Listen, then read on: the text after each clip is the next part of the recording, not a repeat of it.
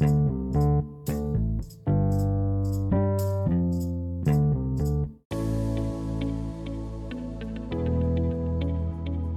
Sanars, balik lagi sama aku Gita Serafina di siniar majalah Sunday.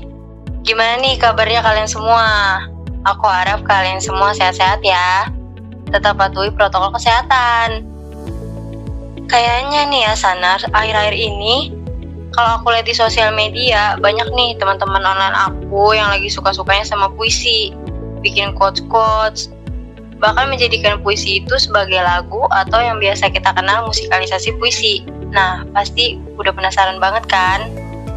Tapi aku nggak sendirian nih. Aku sudah terhubung lewat telepon seluler dengan rekan aku. Halo kak. Halo, halo Gita. Apakah suara saya terdengar?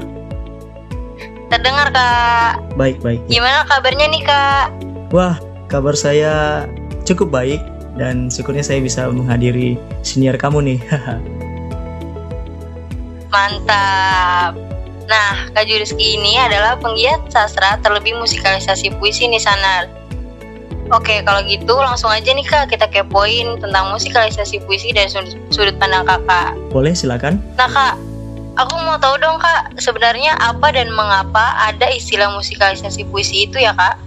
Eh, menurut saya ya, jadi berdasarkan studi yang saya baca di berbagai artikel itu sebenarnya tidak ada yang tahu pasti dan tidak ada satu orang yang menyebutkan ini musikalisasi puisi dan itu semua berkembang dari mulut ke mulut ya gitu.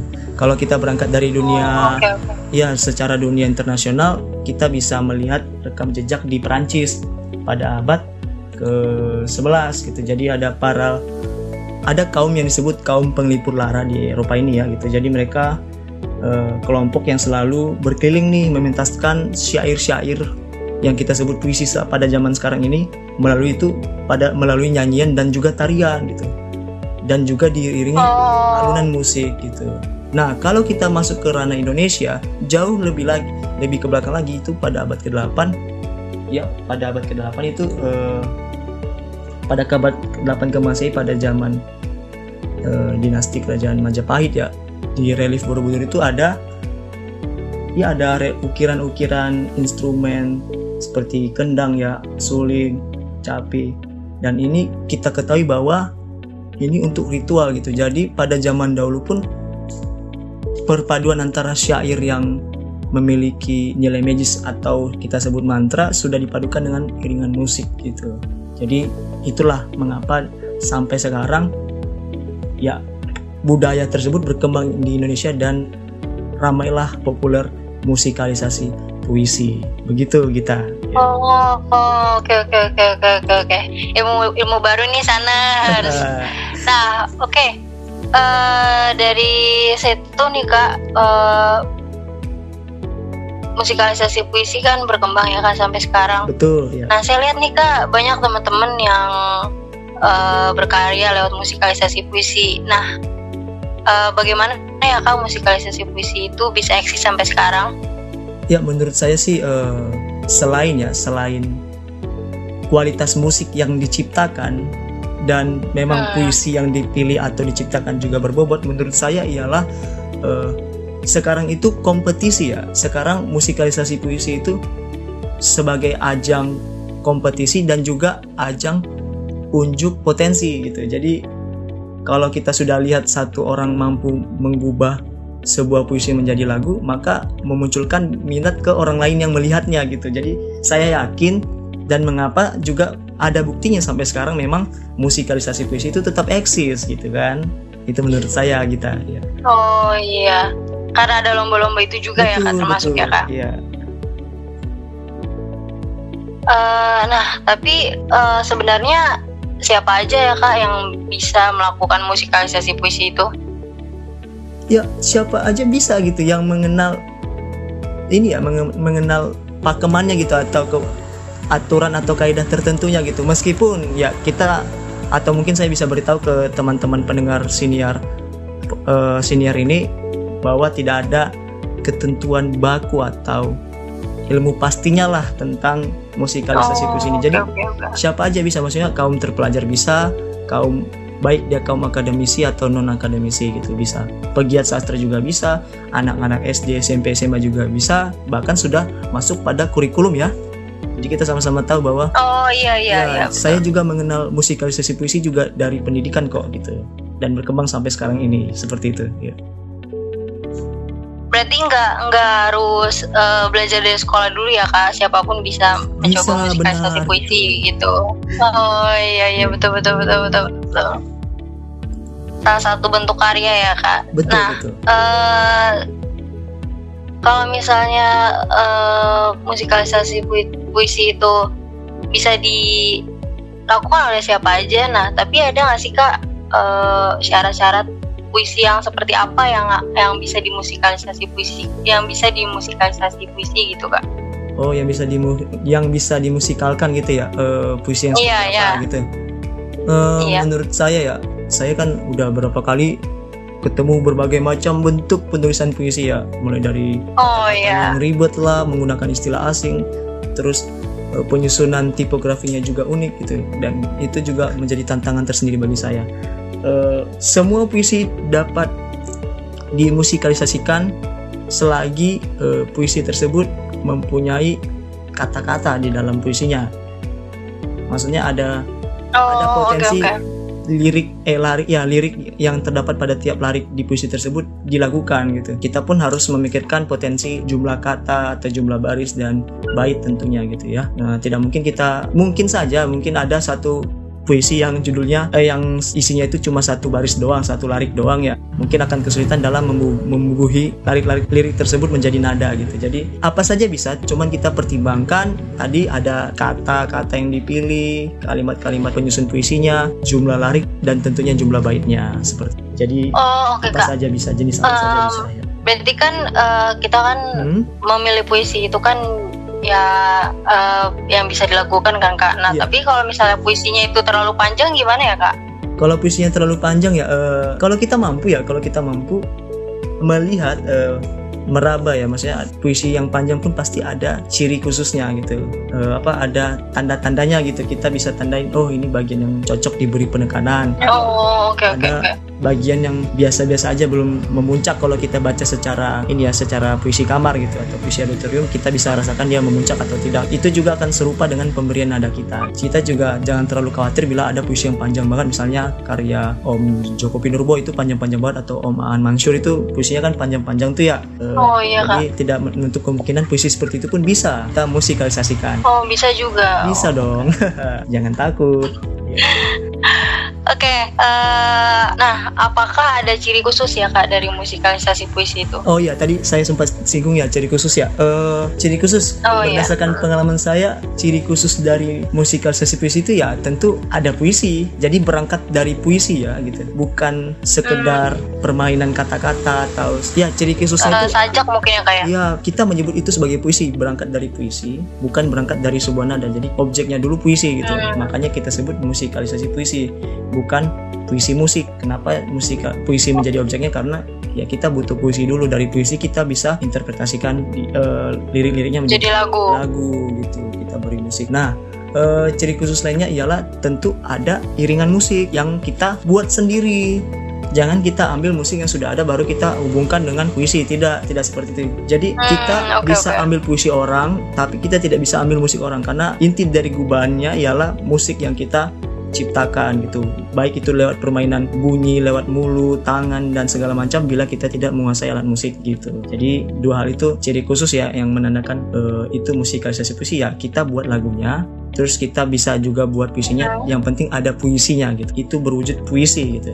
Wujud, wujud puisi kan macam-macam. Pun begitu juga wujud gubahannya. Jadi tidak ada ciri khusus untuk jenis gubahan. Yang penting kita memastikan bahwa musikalisasi puisi itu berangkat dari karya yang benar-benar diciptakan oleh pembuatnya sendiri tidak mencaplok lah gitu dalam segi musikalitas ya Oh iya. Nah eh, itu kan tadi kata kakak nggak boleh eh, meniru orang lain gitu ya kan Iya. nadanya. Nah eh, bagaimana sih kak teknik menciptakan nada pada musikalisasi puisi itu apa ada tahap-tahapannya gitu nah kak? ini ya ini kalau yang menanyakan ini banyak sih yang pernah beberapa maksudnya beberapa, teman-teman saya yang ingin giat juga di bidang ini menanyakan eh gimana sih cara Hmm. cara nyari nadanya ya begitu ya kita ya Iya kak, Oh, iya kak. Teman-teman sana juga pasti penasaran banget. terus uh, alasan yang lainnya kayak aku cuma bisa main gitar terus cuma bisa main kunci tertentu jadi nggak bisa ngembangin nada gitu Iya betul betul betul betul. Eh, teknik ya teknik menciptakan nada itu kalau nanyanya teknik berarti berarti ada pakeman menurut saya bukan teknik jadi saya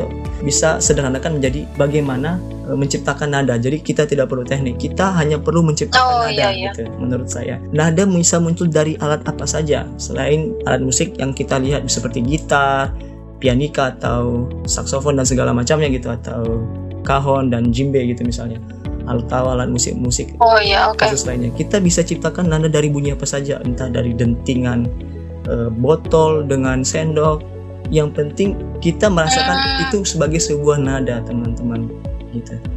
Nah, balik lagi kita juga harus berlatih. Itulah yang namanya berlatih. Menciptakan itu artinya ada proses berlatih ya, dilat- dilatar belakangi oleh proses berlatih gitu. Jadi tidak mungkin muncul tiba-tiba. Hanya beberapa persen kemungkinan itu terjadi pada dianugerahi bakat melimpah di dalam bidang musik atau yang kita sebut dengan jiwa musikalitas yang tinggi gitu ya. Tapi kalau misalnya saya juga Oh iya. iya. berangkat dari ya yang biasa-biasa aja menurut saya sebenarnya cuman tekun dan kegemaran saya terhadap nada dan memusik dan membubuhi nada pada lirik itu yang menjadi eh, poin pentingnya gitu. Kita tidak perlu teknik khusus kita perlu menciptakan nada dengan diri kita sendiri gitu maksud saya. Apa pun kita baca puisi yang eh, memberi penekanan sedih ya kita cari bunyi-bunyi yang menurut kita eh, itu cocok dengan nada seni. Tidak perlu kita cari not apa dia di gitar gitu loh maksud saya jadi tidak ada teknik Oh. khusus gitu ya kita Berarti ya berhubungan, Iya. berarti berhubungan juga ya kak eh, interpretasi puisinya itu dengan nada yang akan kita cipta gitu. Betul. Nah, itulah karakteristik eh, tadi kalau tadi kan ciri khusus, tapi kalau saya menyebut ini eh, poin penting ya,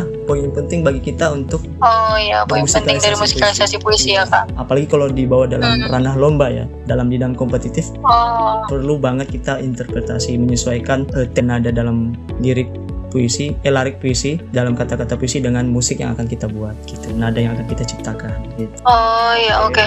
Em, tadi kan eh, kakak udah menyinggung tuh kak cara-cara memilih nada dalam Hmm. musikalisasi puisi ya kak. Nah, eh, tapi apa saja ya kak yang yang dibutuhkan kalau kita tuh mau cipta cipta karya musikalisasi puisi gitu kak? Oh, oke. Berarti secara lebih lengkapnya lagi ya. Nah, tadi kan eh, saya sudah singgung puisi ya, berarti kita pilih puisi nih. Ya, dan Iya. dibutuhkan lagi mungkin sekumpulan alat yang menghasilkan bunyi, bunyi-bunyian yang membentuk nada yang berirama. Tidak mesti alat musik yang harus kita beli dulu kayak gitar kan. Kalau nggak punya kan beli lagi. Hmm. itu Hmm. drum atau apa Iya, gitu, betul, betul, betul.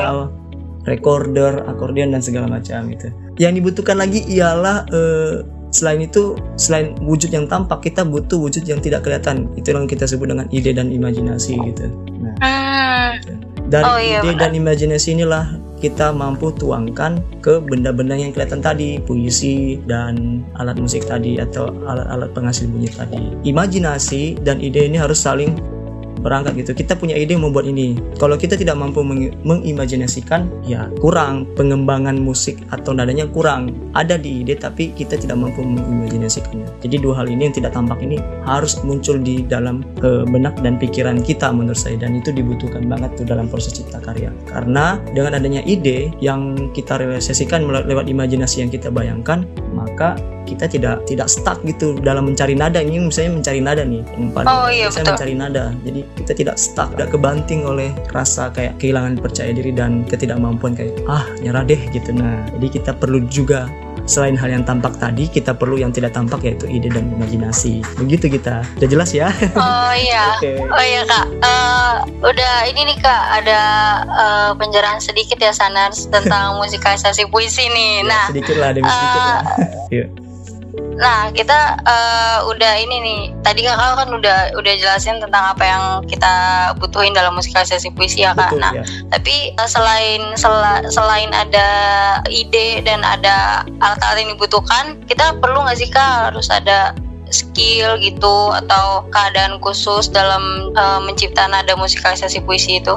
keadaan khusus ya skill ini lebih kepada teman-teman tadi menginter, uh, menginterpretasikan puisi itu sih. Skill ini yang saya amati ada dua ya skill menginterpretasikan isi puisi makna puisi ini dan seperti apa sih alur puisi ini kalau kita bacakan gitu. Karena dibacakan dengan nyanyikan kan pasti beda. Memastikan kita harus mampu menginterpretasi dulu maksud dari puisi ini apa sih gitu ya. Nah kemudian akan berangkat ke imajinasi. Biasanya ini akan sepaket gitu. Kalau saya pengalaman cipta karya saya cipta nada saya di saat saya menginterpretasikan sebuah puisi di saat yang bersamaan pula imajinasi imajinasi saya akan nih muncul nih muncul imajinasi saya untuk menciptakan oh nadanya nanti begini Ju. Nanti saya kadang langsung oh iya nanti nadanya kita beri ini. Kayaknya cocok di sini. Jadi di saat kita sudah paham pun imajinasi kita akan terus berjalan. Tidak akan mungkin berhenti di situ saja di saat kita paham ya udah berhenti nggak nggak gitu. Pasti imajinasi kita akan bekerja. Itu pun kalau memang kita benar-benar giat dan menekuni bidang ini. Karena bidang ini juga uh, bidang yang saya bilang asik ya gitu. Jadi karena ini dituntut kreativitas jadi tidak ada ilmu pakemnya selagi tidak ada ilmu pakemnya kita bebas berkarya dengan cara apa saja gitu. Nah itu menurut saya. Pun juga uh, tidak tidak ya tadi apa? Oh ya kak maaf kak. Lanjut lanjut. ya, ya. lanjut dulu kak. Jadi uh, tidak ini tidak juga berpatokan bahwa kita harus nyiptain nada gitu. Kita juga bisa bacakan terus kita ciptain musik yang kita tidak perlu menyesuaikan suara kita dengan musik. Ada juga versi seperti itu gitu. Jadi kita cukup baca. Oh. Sejauh ini ya macam-macam lah perkembangan musikalisasi puisi. Nah, cuman yang saya bawakan ialah saya biasanya menyanyikan sebagian atau sepenuhnya isi puisi tersebut yang saya sesuaikan dengan nada yang saya buat gitu. Kalau skill tadi ya atau keadaan khusus kita perlu mampu menyesuaikan interpretasi kita dengan imajinasi dan yang kedua kita harus mampu meng menyesuaikan ya tadi kita harus belajar vokal dikit lah ya kita harus mengetahui vokal dan menyesuaikannya dengan nada yang kita buat gitu. Itu skill khusus paling ya atau keadaan khusus yang perlu ada dalam cipta puisi. Seperti itu kita oke kak. Tapi nih kak uh, skill itu sebenarnya bisa bisa dikembangkan dengan latihan gak sih kak? Betul sekali. Jadi selain orang yang memang dianugerahi bakat ya ada juga orang yang punya skill lewat latihan gitu giatlah kita PK ya terhadap bunyi-bunyi dulu tuh sebelum kita menguasai alat musik oh, kita iya. buat dulu PK terhadap alat musik. Dan kita juga harus PK membaca.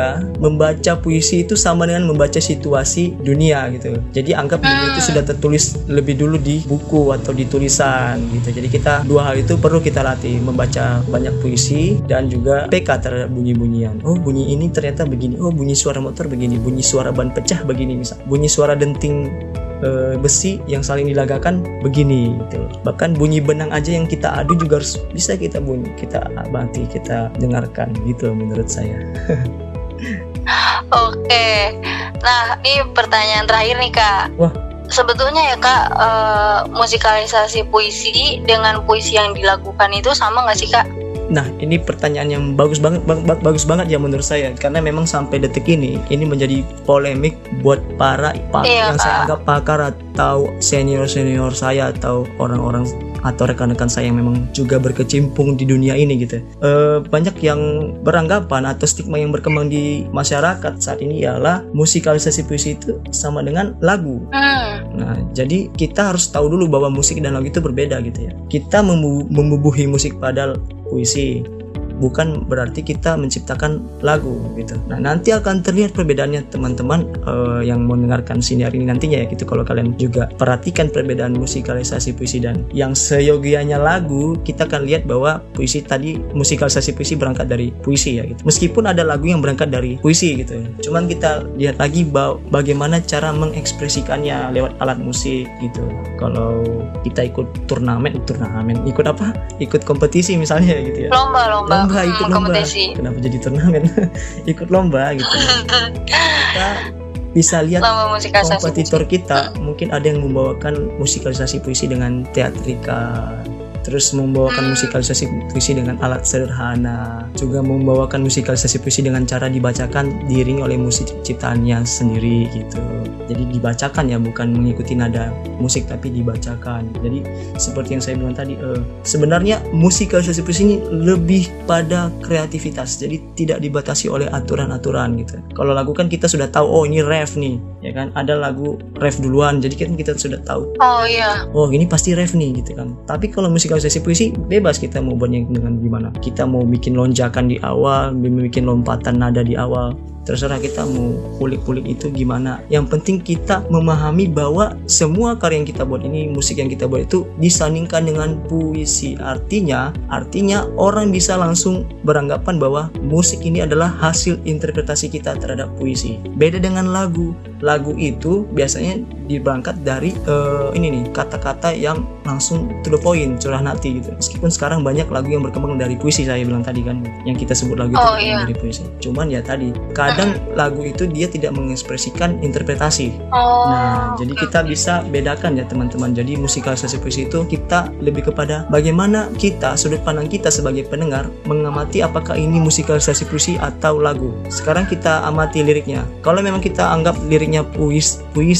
berpuisi atau bersifat puitis uh, kita balik lagi menginterpretasikan. Kita juga sebagai pendengar juga tidak boleh kalah dengan penciptanya gitu. Kita jangan hanya sebagai penikmat penikmat biasa. Kita harus paham juga ternyata ini musikalisasi puisi supaya apa supaya kita pun mampu membedakannya dengan lagu kira-kira seperti itu seperti itu kita Uh, mohon maaf ya bila Oh, iya. bila terdengar suara kebisingan-kebisingan di sekitar ini saya Oh iya, nggak apa-apa agak ramai meskipun ya harusnya sudah sepi ya. Mohon maaf ya. Semoga nanti teman-teman pendengar seniornya maklum ya. Iya kak, berarti eh, beda ya kak musikalisasi puisi sama puisi yang dilakukan. Beda ya. Nah, boleh nih kak sebagai penutup, boleh dong contohin buat para sanas nih penciptaan musikalisasi puisi itu. Wah, boleh boleh. Ya saya siap-siap dulu ya. Saya mau bawakan musikalisasi puisinya dari almarhum Eyang Sapardi Djoko Damono. Ya, saya siap-siap dulu ya, Gita. Oh iya kak. Oke kak. Nah, Kak Juriski akan menampilkan sebuah musikalisasi puisi dari Sapardi Djoko Damono yang berjudul Pada Suatu Hari Nanti. Nah, sambil menunggu Kak Juriski nih, tem- teman-teman Sanars, aku kita Serafina pamit undur diri. Terima kasih telah mendengarkan. Sampai bertemu di siniar, siniar selanjutnya. Bye.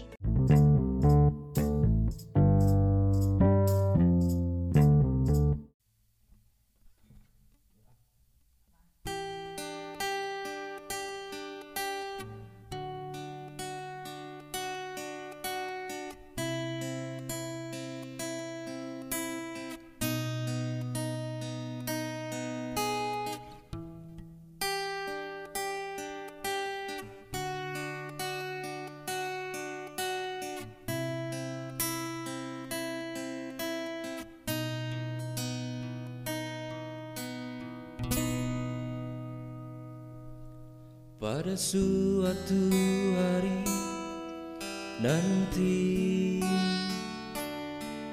Jasadku tak akan ada lagi. Tapi dalam bait-bait sajak ini Kau tak akan kurelakan sendiri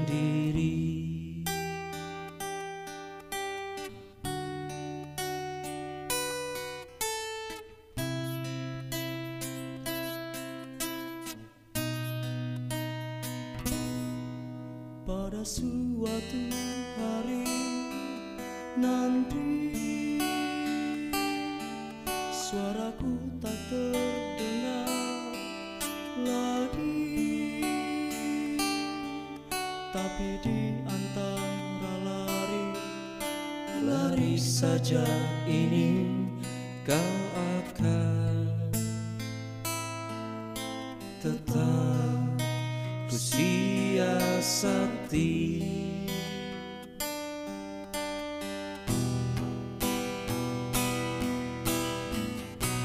Hari nanti nanti. Impianku pun tak dikenal lagi. Namun di sela-sela sajak ini